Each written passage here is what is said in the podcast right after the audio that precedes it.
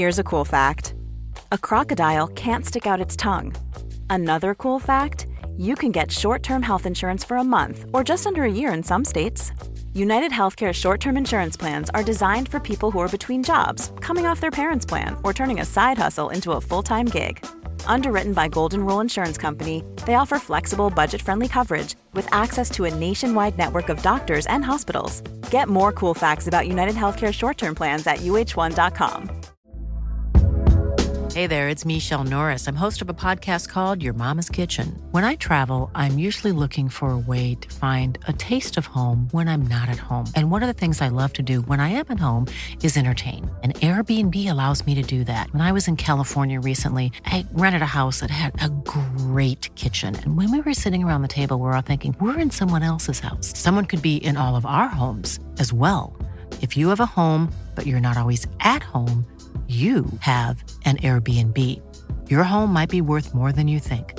Find out how much at airbnb.com/slash host. Hey, I'm Ryan Reynolds. Recently, I asked Mint Mobile's legal team if big wireless companies are allowed to raise prices due to inflation. They said yes. And then when I asked if raising prices technically violates those onerous two year contracts, they said, What the f are you talking about, you insane Hollywood ass? F- So to recap, we're cutting the price of Mint Unlimited from $30 a month to just $15 a month. Give it a try at mintmobile.com slash switch. $45 upfront for three months plus taxes and fees. Promo rate for new customers for limited time. Unlimited more than 40 gigabytes per month. Slows. Full terms at mintmobile.com. 730 betyr jo crazy. Hva er 730 i deg? Dette er 730.no, og jeg heter Mathilde Ullum. Velkommen til 730.no. Programleder queen Selma Ibrahim er i studio med oss i dag. Du kjenner henne best fra Supernytt, Skam og Supergrim. Nå er hun også med i Alle mot én. Velkommen hit, Selma. Ja, det var gøy at du sa skam av alle. Når man googler det, så står det Skam. Jeg vet det. Det gjør faktisk det. Det får man altså selv hvor liten rolle man har hatt i Skam, så får man faktisk det. Det er hyggelig, da. Hva slags rolle hadde du i Skam? Jeg spilte da den nye kjæresten til eh, Jonas, eller Marlon som han heter i virkeligheten. Isabel. Som eh, eh, ikke Jeg tror jeg kanskje hadde sånn i løpet av de episodene jeg var med, kanskje tre replikker. Men eh, det var eh, Det var jo en det var, Jeg var hun i tredje klasse som hadde blitt slikka Eller han, det var et eller annet jeg husker Ja, men det var liksom Alle var sånn etterpå, da jeg hadde vært med, så var det sånn Er du en tredjeklasse som ble slikka? Fordi jeg var liksom Jeg gikk ett år eldre, eller ett år over de. Og så snakka hun da, som het Eva i serien, mye dritt om meg, selvfølgelig, fordi at jeg da hadde tatt fra Jonas, da. Så det var eh, gøy, det, altså. Altså, hadde jeg vært med i Skam, så hadde jeg, tror jeg hadde sagt det til alle. Liksom, ja, hei, jeg heter Mathilde. Ja, jeg var med i Skam, for eksempel. Nei, men det er en gøy fun fact å ha, da. ja. Hvis man eh, har behov plutselig for å skryte litt av seg selv, som man kanskje har innimellom. ja, for det er jo en av de største TV-seriene Norge har hatt. Det er jo den største TV-serien Ja. Norge har hatt, så det Det var så vidt jeg fikk lov, fordi eh, da, jeg tror ikke Skam hadde tatt så veldig av Jeg var med i sesong Nora og William-sesongen, tror jeg det var. Ja. Og da tok det av. Men før den sesongen så hadde det jo tatt av, men ikke for alle i hele Norge. Så da husker jeg jeg gikk på folkeskole, og så spurte jeg om jeg kunne få fri noen dager, for jeg skulle være med på en sånn P3-serie som het Skam, og, og det var sånn Læreren var sånn ja, vi skal egentlig ha sånn opp... Eller det var liksom så vanskelig egentlig å få fri, og så fikk jeg melding av hun læreren seinere bare 'Det var Skam du skulle være med på, ja!' Og da var det helt greit, da. Det er morsomt. Ja. Ja, og da gikk du på folkeskole som heter Danvik, Mm, på skuespillerlinjen der. mm. Ganske kreds å ha gått på Eller jobba på Skam mens du har studert der, da. Men du fikk Ja. kanskje ikke så mye utbytte hvis ikke serien var så stor ennå. Nei, altså, jeg føler ikke Jeg føler jo på en måte ikke at eh, jeg har hatt så mye med Skam å gjøre, selv om jeg spilte de Det var ikke så mye jeg var der, liksom. Men det er gøy å si at eh, jeg var med. Ja. Jeg husker Jeg har også studert skuespill, og da husker jeg på skolen så kom hun ene læreren som Hva var det, fortellerkunst eller noe? Og så sier hun at uh, det var en i første klasse som var med, uh, Ina Svenningdal, da, som Ja. spiller Chris.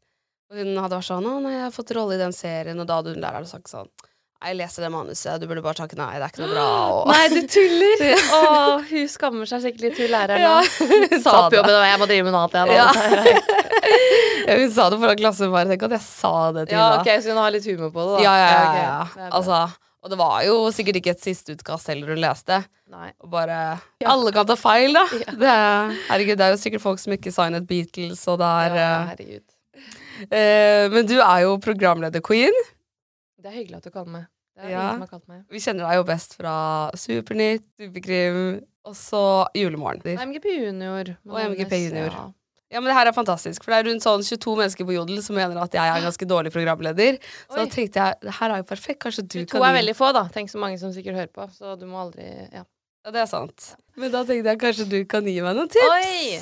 Ok, ja, men jeg har jo hørt eh, på Jeg har jo hørt på noen av episodene eh, som du har lagd. Jeg har med en liten notat... Nei, jeg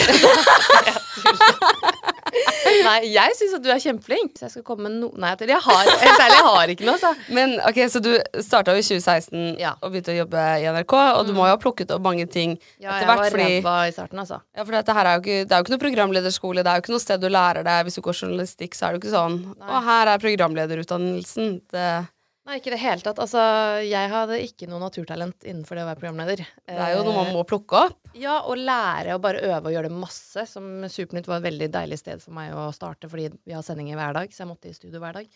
Eh, men første gangen jeg var programleder, eh, var veldig ved en veldig tilfeldighet, fordi eh, jeg var i praksis fra Danvik og var i Supernytt. Drevet, og jeg fikk jobb som å liksom bygge opp Snapchatten til Supernytt, da. Og så er alle tre programlederne i Supernytt syke. Og så kommer sjefen i Supernytt og bare Du, eh, nå er de tre syke, kan du gå inn og ta sendinga? Og jeg bare Altså, jeg blei altså livredd. Jeg visste, altså, jeg hadde aldri vært inne i det studioet og gjort noe, liksom. Så første sending som jeg har, så ser det ut som en står med gønne bak kamera og truer meg at jeg blir tatt som gissel inn der. Og jeg ser altså så livredd ut, og jeg sitter sånn her Nå skal det handle om sporten. Det var en god dag for Therese Jo... Altså, altså det er helt forferdelig. Og jeg bare tenker, Tenk at de sendte det der. Og det er mange av de sendingene jeg ser tilbake på. Bare, «Å. Men så veldig bra sjef som hadde troa på meg og tenkte at jeg skulle utvikle meg litt, da. Som jeg forhåpentligvis har gjort. Men vi må jo komme fram til disse tipsene. Hjertelig velkommen til Selmas programlederskole. Koselig at én har møtt opp. Eh, eh, ok, tips nummer én. Ikke takk ja til programlederjobber som ikke passer deg. Du må aldri si nei til noe fordi du er redd. Men du kan si nei til noe fordi du tenker det konseptet der passer ikke meg. Jeg kunne ikke vært eh, sportsanker på NRK, liksom, og så får jeg det tilbudet nå. Så uh, ja, det er kanskje bra for eksponering eller whatever, men jeg er ikke nok interessert i sport. Eller skjønner du hva jeg mener? At ikke si ja til masse programlederjobber som ikke passer uh, formatet eller personligheten din, da. Skjønner du hva jeg mener? Mm. For da kommer du ikke til å gjøre det så bra. Nummer to, øv på manus. Og bruk tida, liksom. Studer eh, det du liksom, Har du hatt en sending? Gå inn og tenk hva gjorde jeg bra her, og hva kan jeg gjøre bedre til neste gang? Ikke slakt hvis du gjorde noe dårlig. Vær deg sjæl. Oh, det var veldig bra tips. Vær deg sjæl. Bra, Selma. Ja, men Finn din egen Ja, stil, da. Finn din egen stil. Ja, det er fint. Finn din egen stil, ikke prøv å kopiere noen andre. I starten var jeg helt lik hun forrige programlederen i Supernytt. Jeg satt der og bare faen, er jeg Benedicte Bendiksen? Eh, ja. Vær deg selv, finn din greie. Og det tar litt tid. Det tar egentlig ganske lang tid. For meg tok det i hvert fall ett og et halvt, to år, liksom, før jeg skjønte hvem jeg var i det studioet i Supernytt. Og nå i Alle mot én så må jeg finne ut hvem jeg er i dette studioet, for her er et annet konsept, og det er fortsatt meg, men hvem er jeg her, liksom? Men eh, ja, også bare ha det gøy med ting, og ikke ta ting så seriøst. Og, og jobb, liksom. Øv. Stå foran speilet og øv, og tenk hvordan skal jeg si akkurat denne setningen sånn at det skal høres naturlig ut, og skriv manuset om. Ikke bare ta et manus og tenk sånn, ja, det er det. Les gjennom og tenk hvordan kan jeg skrive det om til at det blir mitt eget språk, og sånne ting. Ja. Var dette bra, egentlig, eller fikk du noe ut av dette her? Jeg fikk masse ut av det. Ja. Og ikke overanalysere. I starten så var jeg sånn utrolig Det kan jeg fortsatt være, da, men veldig sånn negativ til eh, alt jeg gjorde, og grovanalyserte alt, liksom. Så er det sånn, når du er programleder, som er jobben din Selvfølgelig har, er ikke alle sendingene dine eh, ti av ti hver gang, for det er jo samme som at du skulle jobba med noe annet. Du har jo på en måte gode og dårlige dager på jobb, og så bare føler man at det blir litt mer synlig, siden det er veldig mange som ser det. Men mest sannsynlig legger jo veldig få merke til om du har liksom litt mindre energi, eller litt mer sånn, eller oi, der huska jeg ikke hva jeg skulle si, eller ja. Ja. Det er TV, liksom, det er ikke verdensundergang. Nei, og det er jo, ja, man må jo bare hoppe i det uansett, for det er jo Hvis du har en dårlig dag og jobber på kontor, så kan du kanskje ta hjemmekontor eller fikse, men Mm. er du programleder på TV, så må du jo ut uansett. Ja, ja, ja. Man får dårlige beskjeder, eller Ja, det er kanskje den verste delen av den jobben, altså. Det må jeg si. Å bare skulle fake ting. Samtidig som det er litt deilig, for har du faka noe, eller må du gå inn og fake det, så eh, sitter du og smiler, og så er det kanskje et litt falskt smil, men da lurer du jo hjernen din til å tro at du er i litt bedre humør etter hvert òg. Ja, Det er jo en eh, Ja. Men det er, kan være ganske slitsomt, ja. ja det kan jeg se for meg. Mm. Det er bare å sette inn Bahare Viken. Vi er såpass like utseendemessig at eh, alle tror at vi er samme person. Eller søstera mi. Eller Rita Wanda, som også mange blander med. Er det sant? Det er faktisk sykt. Meg og Bahare Viken, eh, det har vært Men- lenge. Men det er jo i hvert fall to programledere som er på Supernytt. Ja. Ellers Bahare Viken er jeg ikke kun- Jo, hun var Men ikke programleder i Supernytt. Nei, nei. Men øh, hun Men hun er nyheter eller noe. Ja. Selda Eki, som jeg jobber med nå, var det også veldig mange som blanda meg med. Hun er programleder i Alle mot én sammen med meg nå. Ja. Og der også, jeg husker første gangen jeg fikk en eh, Det var noen som skrev en artikkel om meg på tv2.no.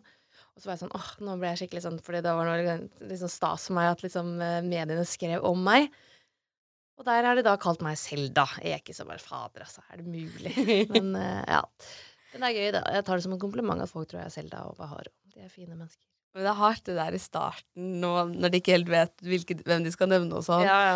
Ikke at jeg kan relatere, men jeg husker da jeg på folkeskole så hadde vi satt opp en teaterforestilling. Hvilken folkehøyskole har du gått på? Eh, Viken. Viken? Og så satte vi opp musikalforestilling, Ja. og, så, og så var jeg sånn Og nå kom pressen, liksom. Lokalavisa. Og, Og liksom, du bare 'flytt dere, jeg skal ja, ja, ja. Og jeg var sånn, jeg hadde en av hovedrollene. Og jeg var sånn, Oi, oi, oi. Åh, nå kommer jeg til å få masse skryt, da. Alle ble nevnt ut av meg.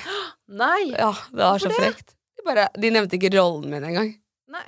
Så dårlig. Så antiklimatisk. Du satt der og bladde opp. 'Mormor, mamma, jeg er i så, avisa!' nå skal jeg endelig vise. Det var riktig. Jeg skulle bli skuespiller. Jeg skulle, altså. Nei, det var det ingen Ja, som var enig i. Uff a meg. Men uh, det er faktisk et veldig godt tips da, å gå på Danvik, fordi er ikke de ganske flinke til å hooke folk opp med jobber etterpå? Veldig. Det er jo Jeg visste jo ikke det da jeg søkte Danvik. Jeg var jo bare sånn Oi, Danvik folkeskole på- som ligger i Drammen. Ja. Det var jo også litt kleint når jeg skulle liksom Nå skal jeg ut av redet, liksom. Hvor skal du? Nei, da bodde jeg i Oslo, og eh, liksom alle vennene mine dro på sånn backpacking til eh, sør... Hva heter det? Altså Thailand og sånn. Eh, og så Til Asia. Ja, Asia. Ja. Asia heter det. og de bare 'Hvor skal du?' da?» 'Jeg skal til Drammen, jeg!'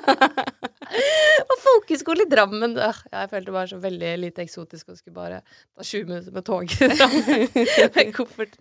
Men ja, eh, de har et andreår, sånn at eh, eh, man kan jobbe Man går på folkehøyskolen, men så jobber man eh, enten i NRK eller TV 2 eller andre produksjonsselskaper, da. Og det er vel en veldig gøy eh, folkeskole. Er det ikke kjærestegaranti der? Oi, jo da, jeg fikk meg kjæreste, vet du. Ikke han jeg er sammen nå, da, RIP. Men eh, ja, det, jo, det var jo flaut nesten hvor mye kjærester som var der. Det var jo Ja. Nei, jeg, jeg blir jo litt kvalm av den tanken. Liksom sånn derre alle er så gode venner, og alle har masse følelser. Det er veldig sånn åpenhet som var veldig sunt for eh, meg, sikkert også, men at man er veldig fokus på hvem er vi, hvem er jeg, og, og gråte og være åpen om hvordan man har det sånn, som er veldig bra, da, selvfølgelig. Men eh, jeg kjente på slutten av året at nå hadde det blitt i overkant mye Nei, det var jo Men jeg tror det er veldig godt for veldig mange som kanskje aldri har snakka om følelser, og liksom dette er første møte hvor de liksom skal åpne seg til noen. Men eh, Ja. jeg har gått til psykolog mange år for det, så jeg trengte ikke så mye av det. Nei. Så Spennende. Hvor, eh, hvor lenge har du gått til psykolog? Jeg har gått eh, fram og tilbake fra jeg gikk på videregående. Ja. Ja. Det er veldig deilig. Jeg anbefaler alle å gå til psykolog. Går du til psykolog? Det er snart ti år. Er det samme psykologen, eller Ja. er det Oi, er det? Det er deilig, da. Ja. For at jeg har bytta en del ganger, jeg. Ja. Men så deilig, da. heldig. Da føler du sikkert at den personen kjenner deg skikkelig, skikkelig godt. Ja, hun tror jeg kjenner meg bedre enn noen andre i hele verden. Det, jeg har sluttet nå, da, men jeg, jeg savner det. Ja, jeg hadde egentlig siste time hos min psykolog. Eller sånn, for hun var sånn, altså sånn hun, Den siste timen var veldig sånn Nå har du kommet deg gjennom det verste, på en måte. Som var veldig sånn deilig. Jeg føler det samme selv, at jeg har lamma så bra. Og så spurte jeg sånn Du, kan jeg få journalen min bare for å få lest? For jeg har lyst til å gå igjennom. Og så fikk jeg den printa ut. Så satt jeg meg Det høres jo helt vilt ut, da. Men jeg satt meg på Kafé Landromat på Bislett, tok meg en cappuccino og leste gjennom disse årene som har vært, da. Og så bare Det var For meg var det veldig sånn en blanding av liksom trist, men veldig liksom befriende og fint å lese hvordan jeg utvikla meg liksom sort på hvitt, liksom. Hvor du kan lese på en måte Shit, det var det så ille, liksom? Eller sleit jeg sånn med det? Og så kan man Fordi det føles jo innmari tungt når man står i noe, og så går det noen år, da, og så bare Å ja, men det har jeg kommet Det hadde ikke vært et så stort problem akkurat i dag, på, en måte. Hvis du skjønner hva jeg mener? Mm. Så det var veldig deilig, syns jeg, da. Du går jo en gang i uka kanskje og føler sånn Å, jeg går og går og går, og liksom det skjer ikke noe. Og så Mm. ser du bare Oi, for en stor prosess Ja. det har vært på veldig Altså over litt tid, da. Ja. For sånne ting tar jo veldig lang tid. Mm. Uh, uansett hva slags traume man jobber seg gjennom, eller ja. utfordringer det er. Mm. Men når man liksom zoomer litt ut, så bare Oi. Jeg husker folk sa til meg sånn Ja, men når du blir eldre, så blir ting litt mindre farlig, og, og så var jeg sånn ah, Det der er så bullshit, det sier dere bare. Og så bare Nå så føler jeg at det er sant. Kanskje at jeg har en veldig bra periode eller noe, men jeg bare, jeg bare føler at jeg har landa At ikke ting er så krise lenger, da. Som Mm. jeg kunne kjenne på før. Som jeg syns er veldig deilig. Men vil du si hva du har syntes har vært vanskelig? Nei, jeg har bare slitt med angst, liksom. Prestasjonsangst og angst generelt i livet. Som har vært vanskelig, og ting har blitt veldig stort, da. Mm. Men ah, ja, ting har bare blitt veldig mye større enn det kanskje har trengt å være, og mye krisetanker og sånn. Men eh, nå føler jeg at jeg klarer å kontrollere den angsten veldig mye mer. At eh, når den kommer, så kan jeg også skjønne at liksom, det her er en, kanskje ikke helt rasjonelle tanker. Men før så skjønte jeg ikke. Jeg klarte ikke å skjønne at det ikke var rasjonelle tanker. Jeg tenkte at det her er 100% ekte. Mens nå klarer jeg innimellom, eller som oftest, å ta et steg tilbake og være sånn OK, nå har du liksom Du kjenner på dette her, men det er ikke sikkert at det her er de tankene du har nå, stemmer, liksom. Og, og, og prøve å på en måte argumentere, argumentere litt mot sine egne tanker. Og ha liksom ikke bare at det er ikke alt du tenker som er sant, på en måte. Ja. Har du hatt det lenge? Angst? Eh, ja, eh, prestasjonsangst? Ja, ja. Det har jeg hatt siden jeg gikk på barneskolen. Jeg skulka jo prøver eh, på barneskolen eh, fordi at eh, jeg var redd for at læreren skulle bli skuffa over at jeg ikke klarte de oppgavene. Og jeg hadde sittet oppe og øvd hele natta i forkant, liksom. Så det er jo bare ingen Ja. Det har jeg hatt. Og jeg har jo for så vidt prestasjonsangst fortsatt, men den har kanskje lært meg å bare bry meg litt mindre om å være Trenger ikke alltid være best i alt, på en måte. Mm. Som, med den døra. Ok, det er kjempeinteressant, fordi du spurte i stad om du skulle lukke døren inn til studio, og så sier jeg eh, nei, nei, jeg kan gjøre det, ja, fordi den er litt vanskelig å lukke, og du må liksom ha en teknikk og makt. når du sa teknikk og makt, da var jeg OK. Nei da, jeg sa den eneste som har klart det, er Oskar Vestelin, Ja. og da Ok. Du bare slang deg mot døren og lukket den igjen med en gang. Jeg har aldri sett så mye drivkraft. Ja. Ja. Jeg bare, det skal vi snakke om. Jeg har ganske konkurranseinstinkt. Det har jeg faktisk. Eh, I hvert fall på ting jeg tror jeg har mulighet til å klare. Prestasjonsangst og konkurranseinstinkt går vel litt hånd i hånd, det. Ja, det er sant. Det gjør det. Det er vel Eh, litt der det kommer. At du har så lyst til å vinne at du er redd for å skuffe deg Ja. selv òg, kanskje. Ja, mest, men jeg tror jeg er mest redd for at eh, akkurat den døra, det må jo ha vært rent konkurranseinstinkt, ikke prestasjonsangst. For jeg var ikke redd for at du tenker 'Å nei, jeg klarer ikke jeg å lukke døra', så kommer du til å tenke at jeg er dårlig. Men, eh, men, men jeg har vel Jeg tenker jeg ofte tror Som jeg tror mange kjenner seg igjen i, at sånn som nå, da, alle mot én, ny jobb og sånne ting, som er kjempestas. Og så får jeg jobben, og så begynner vi å spille inn eh, Weber, som er de innslagene som går i Det går jo opp live, men vi har spilt inn noen Weber i forkant. Så tenker jeg sånn, fader, nå angrer de så sykt på at jeg At de valgte meg, liksom, eller at eh, Fordi at de har tenkt at jeg er bedre enn det jeg er. Eller skjønner du hva jeg mener? Som eh, jeg føler jeg er veldig, en av veldig mange som kjenner på de tingene, da. Jeg tror det har et navn som jeg har glemt nå. Imposter syndrome eller noe sånt. Er det det? Mm. Ja, er det det? Ja. Eh, sånne ting. Og så når man tenker det, ikke sant, så gjør man det kanskje ikke like bra på neste opptak, for da tenker man at de angrer seg som fader. De tør, ingen tør å si noe. Nå kommer jeg på jobb, de har lyst til å si sånn Du, vi tar en annen programleder, men nå er det for seint for oss å si det, for du har jo på en måte sakka ja. Eller skjønner du hva jeg mener? At man begynner å lage seg masse sånne scenarioer som er mm, tullete, da. Veldig slitsomt når man skal gjøre en jobb. Ja, veldig, veldig, veldig slitsomt. Men eh, ja, så, men ikke sant, den, det jeg beskriver nå, er på en måte det sånn som jeg har det litt nå, som er ekstremt mye mindre enn sånn jeg hadde før. Fordi før var det sånn hvordan at ikke jeg turte å ta den fredagsprøven når det åpenbart kom til å gå helt fint. Jeg har jo skrevet bok om det bare for å Ja. bli ferdig med den tida. Hvordan har det arbeidet vært med boken? Bare en venn til boka, ja. Den, det har vært eh, Hvordan har det vært? Det har vært både liksom interessant å gå gjennom de åra, og litt slitsomt og fint, på en måte. Fordi det er ting som på en måte Jeg følte at jeg, mens jeg skrev, ble jeg plutselig mye bedre kjent med meg selv. Eh, og så har det vært litt sånn kjipt fordi jeg har måttet gå ordentlig inn i de følelsene som jeg har tenkt etter hvert sånn Dette må jeg jo klare å komme meg videre fra snart, på en måte. Nå er jeg 28 år. jeg kan ikke gnåle av ungdomsskolen lenger. Men eh, Så det var noen kapitler som var litt sånn Da kjente jeg at eh, jeg ble litt sånn trist, liksom. Men eh, også bare fint å se tilbake på noe av det som var fint òg. Det var jo mye fint òg, liksom. Men det er ofte de liksom vonde tingene man husker. Er det ikke det? Ja, jo da, definitivt. Eller jeg husker også sånn, jeg husker veldig godt de der eh, forelskelsene man hadde da, som var helt sinnssyke. Hvor det var sånn at det bare Det bobla over fordi du bare har så mange følelser og er så innmari forelska i han gutten i parallellklassen. Um, men ja, selvfølgelig. Man husker jo ja, man, de ordentlige liksom, kjiptingene husker man jo som om det skulle vært for en uke siden, på en måte. Mm. Hva var det som var vanskelig på ungdomsskolen? Nei, altså jeg starta jo i åttende og hadde det egentlig veldig fint og hadde masse venner og var en av de i hermetegn kule og syntes at det var veldig gøy. Eh, men var også da eh, egentlig ganske kjip mot flere på trinnet mitt. Som jeg bare var fordi jeg var usikker sjæl og, og eh, skulle få folk til å le, liksom.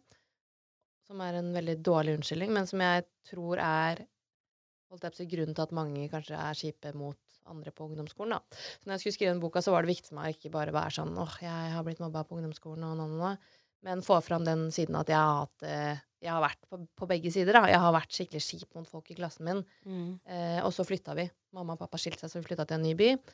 Og da jeg begynte der, så fikk jeg først litt venner, og så snudde det ganske greit, da. Og da plutselig hadde jeg ingen å henge med, og fikk mye dritt, liksom. Eh, så da fikk jeg kjenne på hvordan det var å være på andre siden der, da. Husker du hva som snudde? Det var Altså, jeg har prøvd Jeg prøvde å Det kapitlet var noe av det vanskeligste å skrive i boka, fordi jeg har aldri helt skjønt hvorfor plutselig alle snudde seg mot meg. Eh, men det var at jeg starta å holde på med en fyr, og så var jeg ikke så gira på å holde på med han lenger. Og så avslutta vi som venner, og så var det en jente i klassen min som hadde tatt meg veldig godt imot, og hun eh, prøvde å spleise meg med en annen fyr, og så var jeg ikke så gira på han. Eh, og da snudde det. Så dagen etter Ja. Og da dagen eh, Det her var en fredag hvor jeg liksom Hun ble sur fordi at jeg ikke på en måte fulgte hennes råd, da. At han burde jeg være med. Og dagen, altså mandagen etter, så bare var det ikke noen som prata til meg. Og da hadde jo ikke jeg rukket å bli kjent med så veldig mange på den skolen fordi eh, jeg var ganske ny.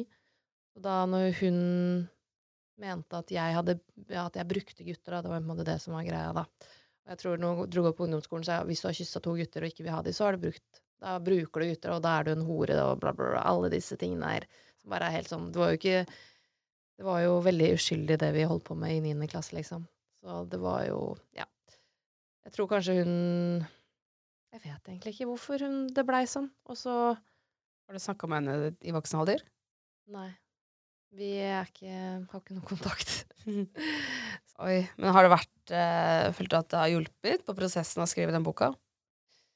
Ja, det har det med bare sånn der at jeg skjønner sånn Fordi jeg kan være litt sånn hvis jeg er i møte med liksom mange mennesker, og jeg ikke kjenner noen av dem fra før, så blir jeg veldig selvdestruktiv i tankene og blir sånn åh, hvorfor eh, Eller jeg går veldig fort i den tanken om at folk ikke liker meg.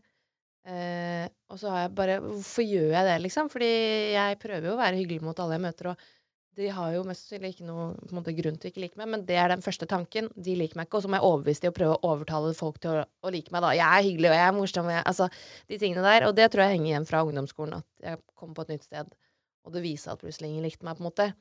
Som jeg egentlig ikke har tenkt over før jeg begynte å skrive boka. Sånn, ja, det er jo grunnen til at jeg eh, sliter kanskje litt innimellom med sånn store mengder med folk jeg ikke kjenner fra før. I hvert fall hvis de kjenner hverandre fra før. Hvis ingen kjenner hverandre fra før, så er det helt Da kan jeg kose meg masse og ta rom og sånn, men er det en gjeng med mennesker som kjenner hverandre godt fra før, og jeg kommer inn, da syns jeg det kan være vanskelig innimellom. Men Var det vanskelig å vite hvem du skulle være med i lunsjen og sånn? Ja. Var ikke, jeg var ikke med så mange i lunsjen. Eh, på de verste, liksom, eller den verste perioden da var jeg Og det er jo som en high school-film, som da satt jeg inne på doen og venta til friminuttet var ferdig, liksom. Og så hadde jeg en fast rutine, det skrev jeg om i boka, at jeg satt inne på doen i sånn eh, ja, ti minutter, da. Akkurat nok til at ikke noen skulle sjekke eller skjønne at jeg satt inne på doen i hele friminuttet. Og så gikk jeg ut på en benk som var ved gymsalen, ikke, som var litt sånn unna resten av gjengen. Og lata som jeg snakka i telefonen, og bare for at folk skulle tro at jeg var opptatt av Folk skjønte at ikke jeg hadde noe med Men jeg tenkte at det er bedre at de tror at jeg gjør noe, enn at jeg bare sitter her alene og ser utover skolegården. For det er så sårbart, det er så tydelig i et friminutt hvis ikke du har noen å være med. Og det tror jeg ikke du merker før du ikke har noen å være med, hvor utrolig Eller du føler i hvert fall selv at alle andre sitter nå, eller ser nå at du er aleine, og så står alle andre i sånne gjenger med sånne klaser hvor de har funnet sine folk, liksom. Det var det, var det kjipeste, egentlig. Og jeg, jeg, følte jeg var på utstilling, liksom. At alle skjønte at jeg ikke hadde noen å være med. Og ofte ringte jeg jo liksom tilbake til de gamle vennene på den nye skolen. Var det lenge? Eh, ja, det endte Det var et halvår, da. Og så fikk jeg bytta klasse. For planen min var jo ikke å fortelle etter noen. Jeg skamma meg veldig over den at jeg plutselig hadde blitt skolens taper, liksom.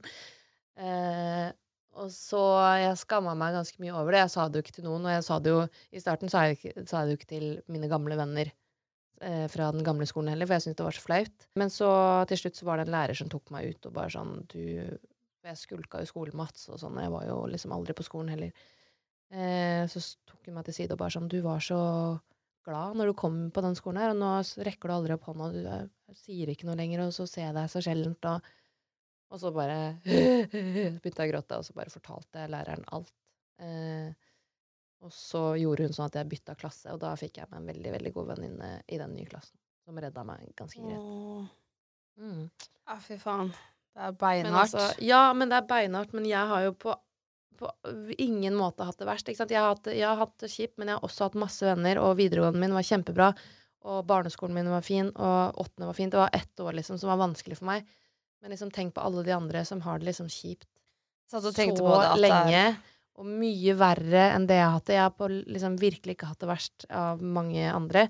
Men allikevel så har det gått så inn på meg. Da kan man jo se for oss hvordan liksom, folk som liksom eh, har hatt det verre og i over lengre perioder, da, hvordan de blir Som sitter alene på do i lunsjen, kanskje hører på musikk, mm. gjør noe annet for å distrahere seg. Det er helt forferdelig at mm. det er mm. sånn. Min uh, strategi er jo uh, å bare gjøre, prøve å gjøre det mindre skamfullt og flaut og, ikke ha uh, venner, på en måte. For jeg syntes jo det var så flaut, og jeg tror det var derfor det tok lang tid før jeg turte å snakke om det med uh, mamma eller venninnene mine eller sånne ting, fordi at jeg skamma meg sånn. Men å gjøre og, og prøve å, å, snakke så mye om det, sånn at ikke det er Du er ikke en taper selv om du, du ikke har noen å være med, liksom. Det er ikke alltid det er noe Det er ikke feil med deg, på en måte. Mm. Man går så veldig fort innover, men heller å være sånn Shit, altså, jeg har ingen å være med. Og, og legg få, få bort den skammen. Og jeg, jeg, aner ikke hva man kan gjøre, bortsett fra å bare prate mer om det. Ja, det, jeg tror det er så mange som kjenner på det. Og det kommer jo i voksen alder, for det er jo noen dager som er veldig sånn markerte for venner og sånne ting. Så for eksempel nyttårsaften, mm. halloween, 17. mai, hvor man skal dra på det kule arrangementet. Mm. Du skal være med vennegjengen din. Og det er så menneske, få mennesker som egentlig har en svær vennegjeng. Ja, jeg har ikke det. Nei, ikke jeg heller. Jeg, jeg, har... jeg sitter og ser på de jævla 17. mai-frokostene til folk og bare sånn ja, hvordan er det du har samlet Hvem er disse her, da? Eller skjønner du hva jeg mener? Og alle har den store ja. vennegjengen. Jeg har, kjenner folk som er sånn 'Å, nå skal jeg ha 30 av nærmeste vennene mine på middag'. Så ja. sånn, hvordan, du, hvordan har du 30 venner? Ja, og alle kjenner alle, liksom? Eller alle har vokst opp på samme område? Det, der, det er det der å vokse opp i samme, og så er det ja, guttegjengen og jentegjengen, nå skal vi møtes på vors. Altså, jeg har aldri, aldri hatt det sånn, jeg.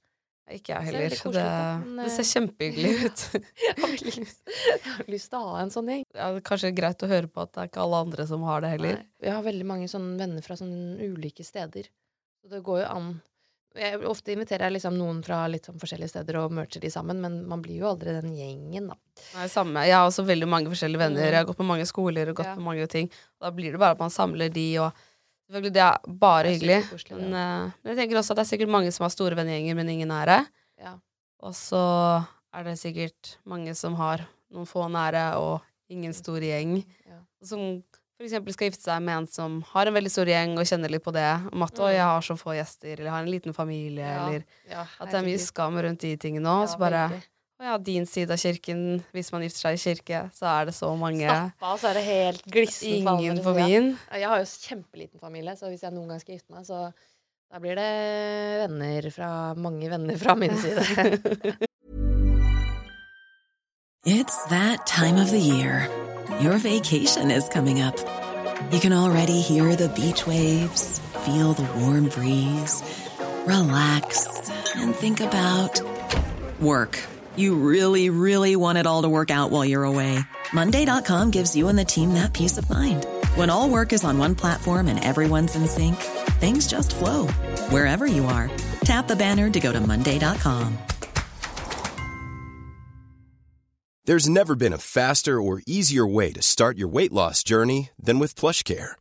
PlushCare accepts most insurance plans and gives you online access to board-certified physicians who can prescribe FDA-approved weight loss medications like Wigovi and Zepbound for those who qualify. Take charge of your health and speak with a board-certified physician about a weight loss plan that's right for you. Get started today at plushcare.com slash weight loss. That's plushcare.com slash weight loss. plushcare.com slash weight loss. Many of us have those stubborn pounds that seem impossible to lose, no matter how good we eat or how hard we work out. My solution is PlushCare. PlushCare is a leading telehealth provider with doctors who are there for you day and night to partner with you in your weight loss journey. They can prescribe FDA-approved weight loss medications like Wagovi and Zepbound for those who qualify. Plus, they accept most insurance plans. To get started, visit plushcare.com slash weight loss. That's plushcare.com slash weight loss. Um, du har jo også laget noen TV-programmer. Ja. Herregud, så mange du har laget, egentlig. Du har rukket veldig mye. Du har laget Selma og den perfekte tro. Altså, det her er eh, Hvert år så har NRK Super noe som heter temadager. Eh, hvor de fokuserer på et eh, tema som kan være vanskelig å snakke om. Så det har vært alt fra seksuelle overgrep til eh, vold i hjemmet, bla, bla, bla. Og nå det ene året så var det religion, da. Så da lagde vi en dokumentarserie hvor jeg skal prøve å finne ut om jeg har lyst til å tro på noe, og hvilken religion det eventuelt skulle vært. Så da møter jeg masse barn som eh, tror på forskjellige ting, og så lærer jeg, og så på slutten så tok jeg et valg, da. Hva ble det? Nei, det ble faktisk at jeg ikke vet. Utrolig antiklimatisk. Det hadde vært veldig gøy hvis jeg bare Jeg blir! Men jeg gikk inn og tenkte sånn herregud, hvis det er noe som virkelig tar meg, så må jeg jo bare go for it. Men det var eh, det er, Jeg syns det er veldig mye fint i religion, og syns det er veldig mye vanskelig i religion, på en måte. Eh, så per dags dato eh, at det er sånn Ja, kanskje det er noe, men eh, jeg tenker bare at jeg vil være hyggelig og bra og snilt menneske, og så tenker jeg at jeg får igjen på det. For, altså jeg tenker sånn, Er du snill, så kommer det på et eller annet vis tilbake. Samtidig så er det veldig farlig å si, fordi karma er sånn Du kan ikke sitte og snakke om karma til en uh, jente i Sudan som ikke har fått mat fordi at det er tørke der nede. Altså, du kan ikke Det funker ikke, liksom. Så Men jeg prøver bare å sende ut god energi og være et godt menneske også. Får vi se om jeg får noe igjen for det. Ja, det er mange fine ting man kan ta ut av det og så Kan resten være det der. Ja. Men uh, du har vokst opp med moren din er kristen, og faren din er muslim. Ja. Mm. Så jeg har jo på en måte fått uh, Mamma er jo uh, Altså hun er ikke sånn der vi, Hun tok oss ikke med i kirka hver søndag, på en måte. Så det var bare barnetroen til mamma på en måte som er kristen. Pappa er jo religiøs, men har blitt litt sånn Kanskje litt mer chill religiøs Ja. med åra. Eh, så det var ikke så mye jeg la merka egentlig at de to var religiøse på hver sin kant. Nei, det var ikke en konflikt. Nei, altså de skilte seg jo, men eh, det var sikkert mye andre konflikter der. Ja. Som vi ikke trenger å gå inn på. ja. Nei, men jeg skjønner. Så da, men da vokste du opp med å feire id og Og Julia. Mm. ja, jul. Så jeg har feira id og fått godteri og nye klær. Og, så jeg har jo egentlig fått uh, best of both worlds. da. Ja, det hørtes Så litt fint ut. Jeg skal ikke klage på det. Du vokste opp med en liten familie. Du har Ja, altså jeg har liksom eh, Vi har veldig lite familie her. Alle besteforeldrene mine er døde. Eh, og, og vi har egentlig Det er egentlig Jeg har jo tre søsken, da, så de henger vi jo mye med. mm. Bortsett fra det, så er det ikke så mye. Driver de med det samme som deg? Ja, hun eldste jobber i eh, Oslo Company, som er et produksjonsselskap. Hun har jobba i P3 i mange år òg. Hun, eh, hun som er ett mellom meg og hun eldste, Amina. Hun eh, skal bli sexolog, faktisk. Ja. Eh, så hun er egentlig utdanna sosionom, og så skal hun bli sexolog nå. Spennende. Mm. Men ville du jobbe i NRK fordi søsteren din gjorde det? Eh, ja, altså jeg hadde fått en liten forsmak på NRK fordi at jeg var eh, ofte sånn panel, eller hva heter det, sånn rådgiver i noe som heter Juntafil. Husker du det? Ja. Ja. Der eh, var jeg liksom, da jeg gikk på videregående og sånn, så var jeg der ofte og snakka og sånn. Så da var jeg sånn eh, Jeg syntes det var innmari, innmari stas. Og så da Nora fikk jobb i P3, så var jeg sånn Oi. Altså, det var så stort at hun jobba i NRK. Eh, og så, da jeg skulle søke praksis, så var det Nora som tipsa om Supernytt, faktisk. Så Nora skal, sier hele tiden at hun skal ha fortjeneste for at jeg har klart meg i denne bransjen her, men eh, hun har, skal ha, få litt cred for at hun tipsa om Supernytt, altså. Jeg tror de fleste kjenner litt på Mm. imposter syndrome, men hvordan er det å ha prestasjonsangst i en jobb hvor mange skal følge med på at du skal prestere? Det kan være veldig, veldig slitsomt. Eh, det var altså VG-lista, da tok jo den prestasjonsangsten helt over. Jeg var jo eh, Da de ringte og snakket, eller hun sjefen i Blim ringte og sånn, det, kan hende det blir VG-lista først, ikke sant. Og så var jeg sånn Da satt jeg og jobba med MGP under, jeg var dritstressa for det, så jeg fikk egentlig ikke helt med meg at det var Og så tenkte jeg sånn Det blir jo ikke VG-lista, liksom. Og så eh, en uke før MGP Under eller noe, så ringer hun bare 'Du, det blir VG-lista!' Og jeg bare 'Ok, ja, men da snakkes vi. Ha det!' Og bare sånn eh, 'Det kan jeg ikke ta inn over meg nå, for nå skal jeg gjøre MGP Under.' Jeg kan ikke tenke på at det er Det er jo Mange hadde jo sikkert blitt superglad, og det burde jeg bli, fordi det er en så kul mulighet, og så stas. Men jeg får ikke til å bli glad, for jeg blir bare livredd. Og så da MGP var ferdig, så hadde jeg da mista stemmen dagen etter finalen. Og da tenker jeg nå, nå kan jeg ta inn det med VG-lista. Jeg eh, står foran speilet hjemme hos meg og begynner å øve på Bli med-sangen. For jeg skal jo synge Det er jo live med tracks, da. Eller med hva heter det? Altså, du har understemmen din, men du må synge live på VG-lista. Ja. Og da har jeg mista stemmen etter MGP Under-finalen, så jeg står sånn bare Wow, wow, wow, wow Så bare Nei, jeg får det ikke til. Så bare Man føler seg litt ensom! Altså, det var helt sånn det, Ingenting gikk, og jeg bare pressa stemmen min mer og mer og mer. For jeg bare Jeg må jo øve. Jeg må jo øve, men jeg hadde jo ikke noe stemme. Og så ringer jeg sjefen og bare Du, jeg trekker meg, jeg. Det, det blir ikke noe VG-liste. Jeg, jeg tør ikke, liksom. Jeg kan ikke gå ut der og gjøre det.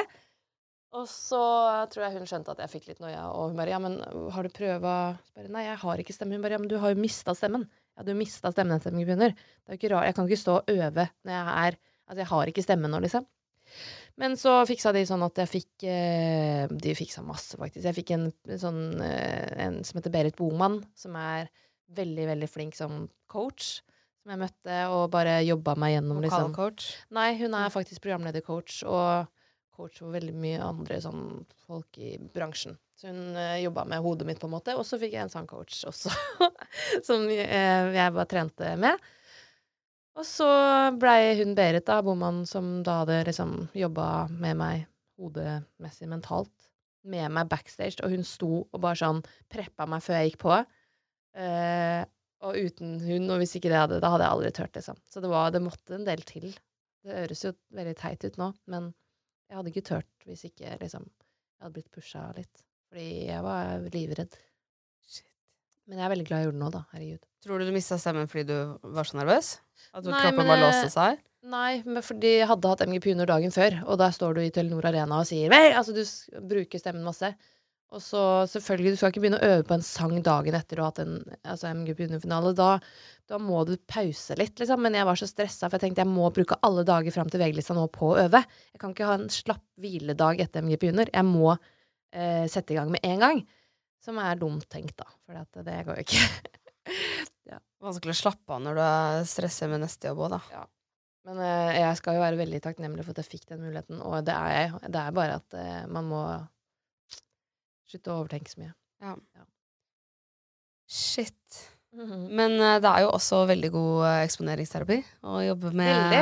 akkurat det som du er mest redd for. Ja, og jeg blir bedre og bedre. Jeg, jeg, jeg starta ikke i den podkasten med at jeg sa sånn 'Jeg har landa' og sånn, og nå sitter jeg bare Og så turte jeg ikke å Men eh, jeg har virkelig landa sånn at eh, Du sa også at livet er kjipt og gøy. Ja, Så det er sant. Ja. Nei, men at på en måte jeg tør eh, Eller min strategi er å aldri si nei til noe. Prøve i hvert fall, da. Og aldri si nei til noe, selv om det er dritskummelt. Fordi da lar man ikke den frykten på en måte styre deg så mye, da. Og det er jo da det ødelegger. Og så må man bare begynne å jobbe med å på en måte Nå høres jeg ut som jeg har blitt sånn life coach her. Og så må man bare begynne å jobbe med Nei, men så må man er bare jobbe med den tips. prosessen i forkant, da. Å gå og grue seg til noe i to-tre uker før det skjer, er jæskla eh, på en måte energitappende. Og det er så unødvendig. Og der eh, jobber jeg fortsatt, på en måte. Med å prøve å finne en bra vei. Og det Ja. eneste som funker for meg, er å tenke sånn Herregud, alle skal dø, liksom. Det er en veldig trist tanke, men det funker for meg. Å tenke sånn Det er ingen som bryr seg, på en måte. Egentlig. Det er TV. Du skal stå på VG-list. Eh, Altså, det er ikke så farlig. At man, hvis man bare begynner å se for seg sånn at, Sånn at jeg skal møte deg, da. Og så er jeg sånn OK, nå skal jeg på denne podkasten her. OK, hvordan blir det, liksom? Kommer hun til å like meg? Altså de sangene, da. Så er det sånn Hvem Vi er her på en klode som driver og snurrer rundt, og vi lever nå, og vi lever én gang. Altså, jeg bare blir sånn Vi må bare ha det gøy, liksom, når vi er her. Kose oss og prøve så godt man kan å ikke ta livet så alvorlig, på en måte, Ja. for det er det ikke. Men det må du si til deg selv. Jeg vet det. Jeg. Har jo Five Minutes Journal og sitter og skriver og ja. Men jeg hadde en gang hadde, Det var første sånn ordentlig lange livesending jeg skulle ha med Rima i nyhetene. Da skulle vi lede sendinga altså, når Ingrid Alexandra skulle konfirmere seg. Og da hadde jeg ikke hatt så mye in-air i før. Og så bare er det noen teknikkgreier som gjør at hver gang jeg snakker, så hører jeg meg ett sekund på delay. Min egen stemme. Jeg bare sier sånn hei, og så kommer det hei i øret mitt. Og det var helt forferdelig. Så først var det første stikk. Jeg bare du, det er noe gærent, liksom. Og de bare ja, vi fikser det til neste stikk. Og det samme skjer igjen og igjen og igjen og igjen. Og igjen og Og da kan du ikke ta den ut. Jo, jeg måtte jo det, da, men problemet da er at ikke, da får ikke jeg beskjed om hvor vi skal videre. Eller da får ikke jeg liksom at de sier sånn Takk, da kan du sette over til et eller annet, for eksempel, da, som det var greia som var der. Så det ble bare litt sånn, ja. Men sånne ting kan jo skje, da. Ja, er du klar for en spørsmålsrunde? Ja. Ladies and gentlemen, Instagram spørsmålsrunde. Instagram spørsmålsrunde. Har du kjæreste?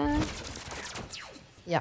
Hvem er den mest kjente som har slidet inn i DM-en din? Jeg har ikke så mange kjente som har slidet inn i DM-en min. eh, Altså, det er norske Det er jo noen norske kjendiser, på en måte. Det er ikke noen store Det er ikke noen store navn. Um, hva er det sykeste du har gjort for å få en jobb? Oi! Eh, det sykeste jeg har gjort for å få en jobb Nå må jeg bare tenke, jeg har jobba med som veldig mye forskjellig, da. Jeg jobba Jo, ok, nei, det er jo ikke sykt, da. Jeg gikk og møtte opp et sted Nei, det ah, Jeg har gjort så mye sykt. Supernytt. Det var jo veldig uskyldig og fint. Jeg jobba som jordbærselger da jeg var 13. På, Det er deg og Petter Stordalen. Har han også jobba som jordbærselger? Det var der alt startet. Å, det var der han satt for meg også. Nei, det var det ikke. Men uh... Selskapet hans heter jo Strawberry nå. For han starta med å selge jordbær Nei, for meg var det selv. helt forferdelig å selge jordbær. Fordi at jeg klarte ikke å Jordbærkurvene var jo greit. Jeg var 13 eller 12, jeg husker ikke. Jeg var liten da, i hvert fall.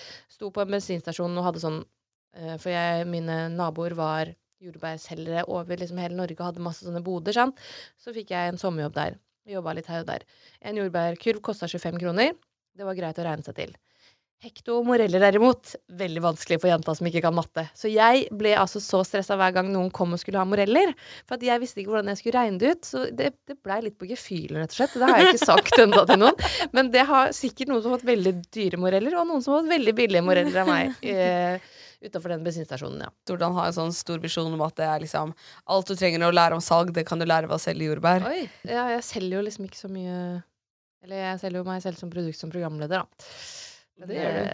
Ja, Det har nei. gått bra. Ja, jo da, det har gått bra, det. Hva inspirerte deg mest i 2022? Jeg tror det som inspirerte meg mest, var at ting kan snu veldig fort. For det opplevde jeg beskjed ja. Nei, da fikk jeg beskjed om at jeg skulle Jeg hadde en veldig kjip periode på jobb eh, rett før jeg fikk beskjed om det med Bli med. Og da var det sånn at da jeg fikk den beskjeden, så bare eh, ble jeg så innmari glad, fordi at eh, jeg hadde hatt det som drøm lenge å, ha, å få bli med. Eh, så jeg tror kanskje det var noe som inspirerte meg fort, at, eller inspirerte meg i 2022, at ting kan snu da, veldig fort, uten at du har liksom noe anelse om det. Som jeg syns er veldig deilig å vite, egentlig. At liksom eh, I morgen så kan jeg få en eller annen telefon som endrer alt, eller skjønner du hva jeg mener? Ting kan liksom plutselig skje. 9,1 millioner streams. Det er jo Det er det man kaller en suksess, det. Det, var, ja, det er veldig, det er veldig stas. Men hvordan fikk du vite det? Eh, det var altså sjefen i For Blind på en måte, som eh, spurte om jeg kunne ta en prat med, og så var jeg sånn ah, hva er det nå, da? Jeg orker ikke mer. Og så spurte hun om det, og så bare var jeg sånn Har du sett hvordan MGP Junior-finalister reagerer når de blir overraska og blir fortalt at de skal eh, liksom jeg begynte å gråte og ble veldig, veldig, veldig glad, bare. Ja, det gjorde hele jula mi. Åh, det skjønner jeg. Men hvorfor har du hatt en kjip periode på jobb? Nei, jeg tror det bare er liksom sånn at det går litt i faser i alle jobber. At noen ganger så er man mer motivert enn andre ganger. Og jeg var i en periode hvor jeg bare var litt sånn Ting føltes skikkelig tungt og slitsomt og som et ork. Og jeg hadde så lite sånn inspirasjon og giv, liksom, følte jeg. Og jeg følte at jeg sto litt stille, kanskje. Så det var skikkelig digg beskjed å få. Og jeg hadde jo ikke turt å si det til noen av sjefene. Du vet når man har sånn medarbeidersamtaler sånn Hva er det du har lyst til å jeg sa mye annet, men jeg turte ikke å si 'bli med', for jeg tenkte sånn, det er så langt unna, det kommer ikke til å skje. Så det er, bare for, det er flaut å si at man i det hele tatt tenker at det er en sjanse, på en måte. Eh, så nei, det var veldig stas. Det skjønner jeg. Ja. Å, så deilig å få noe du har drømt om Ja. uten å Ja, det er spørre engang. helt Det er jo sykt. drømmen. Ja, det var faktisk drømmen, altså. Har du alltid drømt om å bli programleder? Eh, nei, jeg tror Altså, jeg ville først eh, hadde jeg lyst til å bli politi. Så fant jeg ut at jeg er for feig. Jeg tør ikke. Jeg blir jo redd bare jeg ser noen krangle på gata her i Oslo. Går over veien, liksom, og jeg tør ikke. Eh, så den la jeg fra meg. Og så hadde jeg lyst til å jobbe innenfor barnevernet. Og så bare skjønte jeg at det er veldig cred til de som gjør det, men jeg, jeg, det er så heftig, liksom. Og så hadde jeg lyst til å jobbe innenfor radio, faktisk. Eh, det er derfor jeg var så mye på Juntafil og det, det der. Men så hver, Da jeg gikk på MK, liksom, medier og kommunikasjon på videregående, så var det jo liksom sånn hver gang vi skulle lage noe film eller musikkvideo, så var det jo jeg som rakk opp hånda og bare 'Jeg kan være foran, jeg! Jeg kan godt være foran!' Så jeg hadde jo et behov for å liksom eh, gjøre de tingene. Eh, men jeg så liksom ikke for meg at jeg skulle bli programleder. Men nå er jeg veldig glad i det, da. Ja. Men jeg tror det er bra at jeg liker å gjøre andre ting òg, for det er ikke alle som er programleder hele livet, på en måte. Nei, nei, det er jo Så jeg liker jo veldig godt idéfasen og, og skrive og, og klippe og sånne ting. Elsker jeg også. Det er jo litt av det samme, da. Hvis du har jobba som programleder lenge, så vet du jo hva som funker og ikke funker. Og det er mye lettere å utvikle egne ideer. Og Ja, ja, ja. det er mange programledere som driver med idéutvikling på siden. Ja. Hvem provoserte deg mest i 2022? Herre, du har så mange vanskelige spørsmål. Jeg burde tenkt gjennom dette her på forhånd. Eh, på et eh, generelt grunnlag si at jeg blir provosert av folk som eh, ikke bare er hyggelige mot andre folk, da. Jeg syns at Nå eh, sparker vi inn åpne dører her.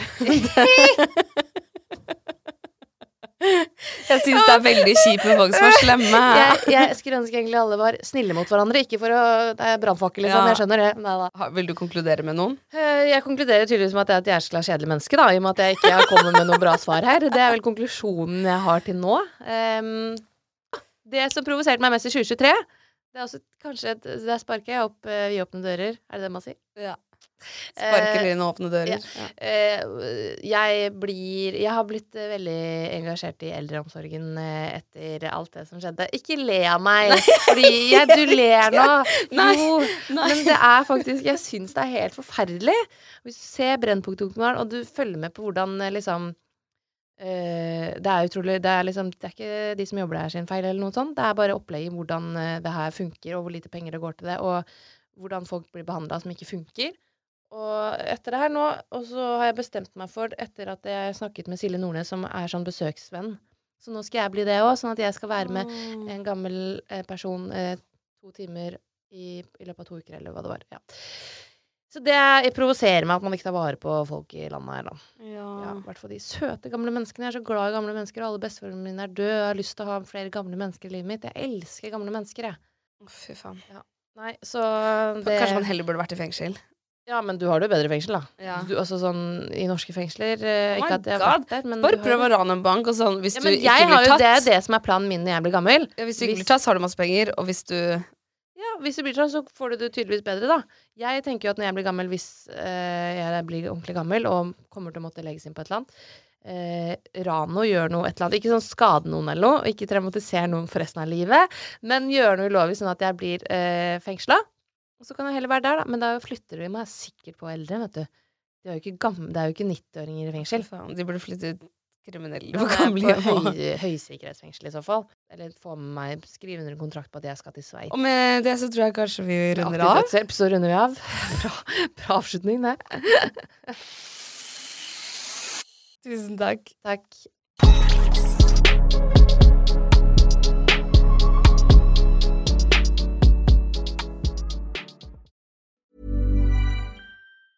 Hey, it's Danny Pellegrino from Everything Iconic.